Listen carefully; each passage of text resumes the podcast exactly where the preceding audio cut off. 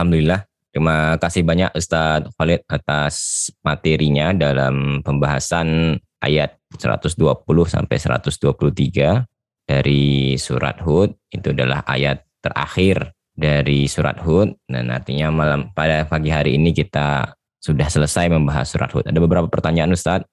Yang pertama dari uh, Bu Ulfi, dari kisah-kisah bahwa kaum kafir akan terus melakukan kerusakan dan gangguan, kita akan terus melakukan dakwah.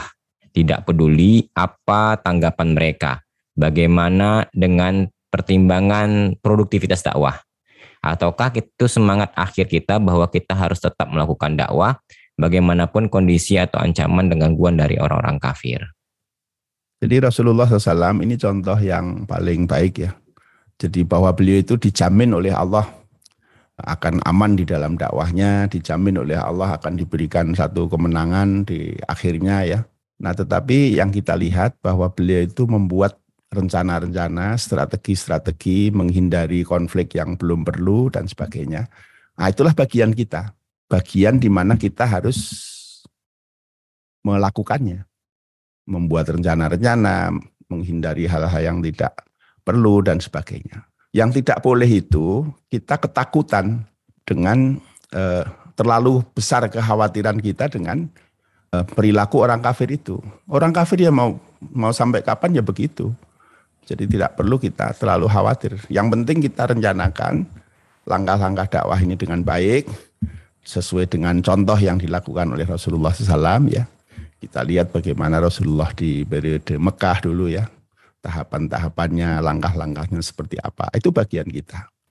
Nah, kemudian kita serahkan urusan kita kepada Allah Subhanahu wa taala. Bahwa nanti misalnya ya, sebagian dari para sahabat Rasulullah ada juga yang berhadapan dengan risiko dibunuh, ada yang disiksa, ada yang ya itu bagian dari dari takdir Allah kepada mereka ya.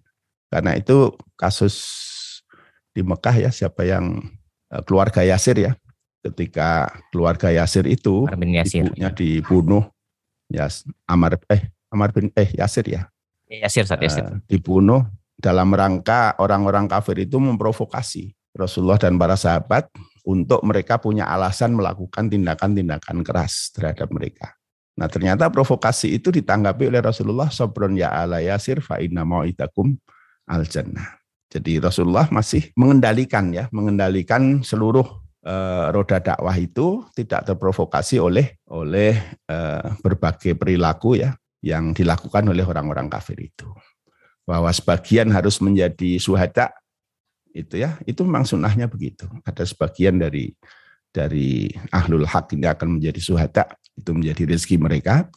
Dan ada sebagian yang lain, famin kuman yang tadir, famin kuman yang tadir, waminkum apa itu? Lupa saya ayatnya ya jadi ada di antara kamu yang uh, famin kumang kodo nakbahu, wamin kuman tadir. Jadi yang tadir ya. Ada sebagian dari kalian yang harus uh, menemui keputusannya, yaitu menjadi suhada, dan sebagian dari kalian akan uh, terus menunggu waktu yang lain. Nah, saya kira itu adalah bagian dari Allah akan memilih-milih di antara para ahlul hak itu untuk mereka ya sesuai dengan kehendak Allah. Nah, tetapi dakwah harus tetap dikelola, direncanakan dengan strategi yang baik, dengan perhitungan-perhitungan yang matang dan sebagainya, dan jangan takut dengan eh, orang-orang kafir. Ya. Jadi masing-masing kita ini sudah ada jalannya sendiri di di Lauhil Mahfud ya.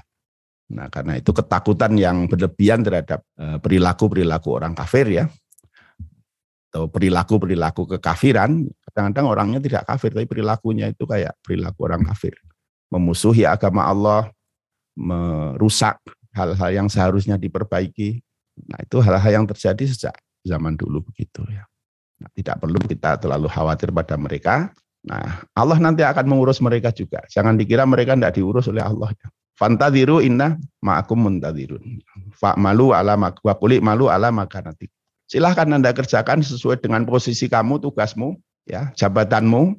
Nah, dengan jabatan itu kamu akan melakukan kedoliman atau melakukan kebaikan, silahkan lakukan. Nah, itu artinya apa? Ya, ya memang begitulah.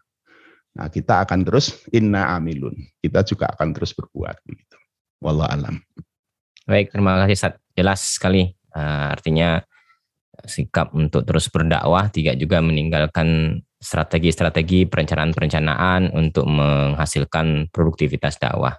Pertanyaan dari Pak Sukailan, Ustaz. Mohon pencerahan kaitan dengan kesimpulan yang ketiga bahwa yang goib hanya Allah yang mengetahuinya. Bagaimana dengan paranormal yang kadangkala ramalannya betul? Apakah itu merupakan pemberian dari Allah atau ada yang lain seperti yang sekarang ini baru vial? Oh ya, dan seterusnya. Monggo. Ya, paranormal itu kalau kalau prinsipnya sebenarnya dengan jin ya. Nah, jin itu dia mencuri-curi informasi. Nanti kalau kita sampai tafsir di surat jin akan didetailkan oleh Allah di sana. Nah, sehingga sebagian kadang-kadang dapat, sebagian nggak dapat ya. Jadi paranormal itu ya kadang-kadang betul, sering salah, tapi kalau pas salah itu tidak ada yang cerita. Kalau yang pas betul itu banyak yang cerita.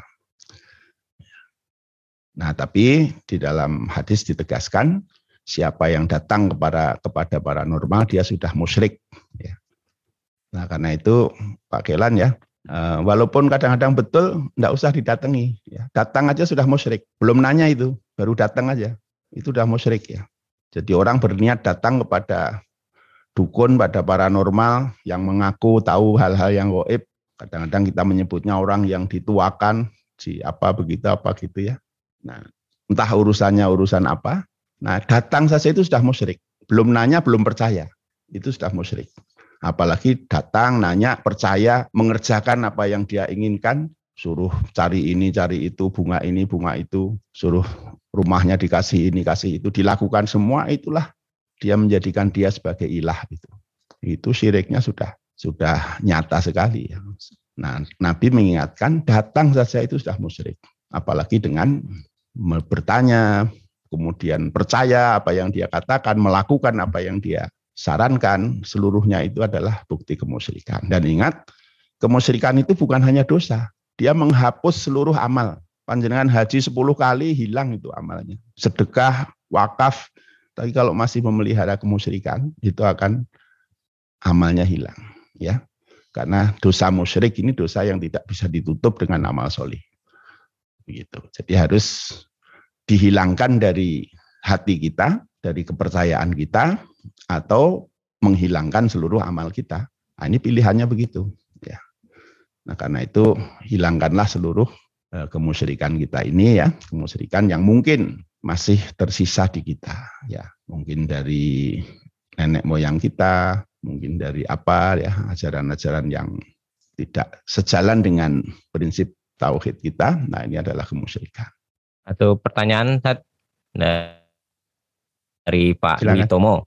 Mohon izin bertanya Ustaz, hmm. bagaimana dakwah terhadap mohon mohon izin Ustaz bagaimana berdakwah terhadap keluarga yang beda agama atau yang ya, non muslim. Jadi dakwah itu untuk ya, seluruh umat manusia ya. atau jadi dakwah itu terhadap seluruh umat manusia. Nah, sehingga bukan hanya kalau dakwah kepada orang yang sudah Islam itu pahalanya sedikit ya. Jadi dakwah yang paling besar pahalanya itu kalau mengajak orang yang belum Islam untuk kemudian taat kepada Islam ya. Nah, Bapak Ibu di dunia ini orang yang beragama Islam dengan segala ragam ketaatan mereka pada Allah ya, mulai dari yang ahli maksiat sampai yang paling taat itu cuma 23 persen. Artinya apa? Masih ada 77 persen manusia di dunia ini yang mereka ini menunggu, menunggu dakwah kita, menunggu hidayah Allah melalui kita. Ya. Nah karena itu bagi teman-teman yang mungkin muda-muda ya bisa dengan YouTube, bisa dengan media-media sosial yang baik. Ah, jangan selfie-selfie terus ya. Jadi gunakanlah eh, media-media sosial itu untuk menanamkan dan mendorong orang untuk mendekat kepada Allah ya. Tentu tidak vulgar ya, tapi dengan membangkitkan eh, nurani mereka untuk kemudian orang di tumbuhkan kesadarannya untuk taat kepada Allah SWT. Ya. Jadi saya kira begitu untuk Pak Dwi Tomo ya. Eh, yang paling bagus kalau keluarga itu diserawungi dengan baik, jangan ditinggalkan. Justru malah kita dekati, kita sering silaturahmi, mungkin bawain hadiah, diperhatikan segala sesuatunya gitu ya. Nah sehingga eh, mereka sebagai orang yang belum belum muslim ya, itu akan pertama merasakan positifnya kita sebagai muslim. Ya. Jangan malah kebalik. Wah, ini istadi Islam terus keluarganya masih ada yang belum muslim malah di, di, dijauhi ya, di dikucilkan. Nah, itu malah semakin jauh ya. Jadi justru harus didekati, didekati eh, kita bersilaturahmi, bermuamalah dengan sebaik-baiknya ya. Nah, intinya di situ ada taklif ya, bagaimana kita membangun ikatan hati kita, ikatan hati mereka dengan kita. Nah, nanti dengan hati yang eh, terbuka ini, maka insya Allah kebenaran Islam itu mudah masuk. Ya. Kita hanya mencari jalannya untuk kebenaran ini masuk ke hati mereka. Nah, kalau mereka jauh hatinya dari kita, nah kita bagaimana masukkan sesuatu. Nah, karena itu sebaiknya justru diperkuat silaturahminya dengan keluarga-keluarga kita kalau masih ada yang belum belum muslim ya. Eh, Ustaz, sudah jam 7, ya. mana nambah pertanyaan atau cukup, cukup ya? Ustaz? Nah, cukup aja ya. Monggo kalimat akhir penutup Ustaz, akhir dari surat Hud, monggo Ustaz. Ya, baik. Jadi sebagai surat makiyah ya surat Hud ini eh, Bapak Ibu bisa kita tangkap tentang konten substantifnya adalah masalah-masalah akidah. Nah, walaupun cara untuk menjelaskan masalah akidah ini melalui berbagai kisah dan lain-lain ya, eh, bahwa tauhid ini adalah sesuatu yang menjadi prinsip hidup seluruh umat manusia. Nah, ini dikisahkan nabi-nabi dari berbagai generasi. Gitu ya. Nah, karena itu saya kira kita bisa menangkap bahwa ya seluruh nabi itu sama ya, sama di dalam tugasnya, misinya yaitu mengajak umat manusia itu untuk taat kepada Allah satu-satunya di dalam kehidupan kita ini. Demikian, terima kasih. Assalamualaikum warahmatullahi wabarakatuh.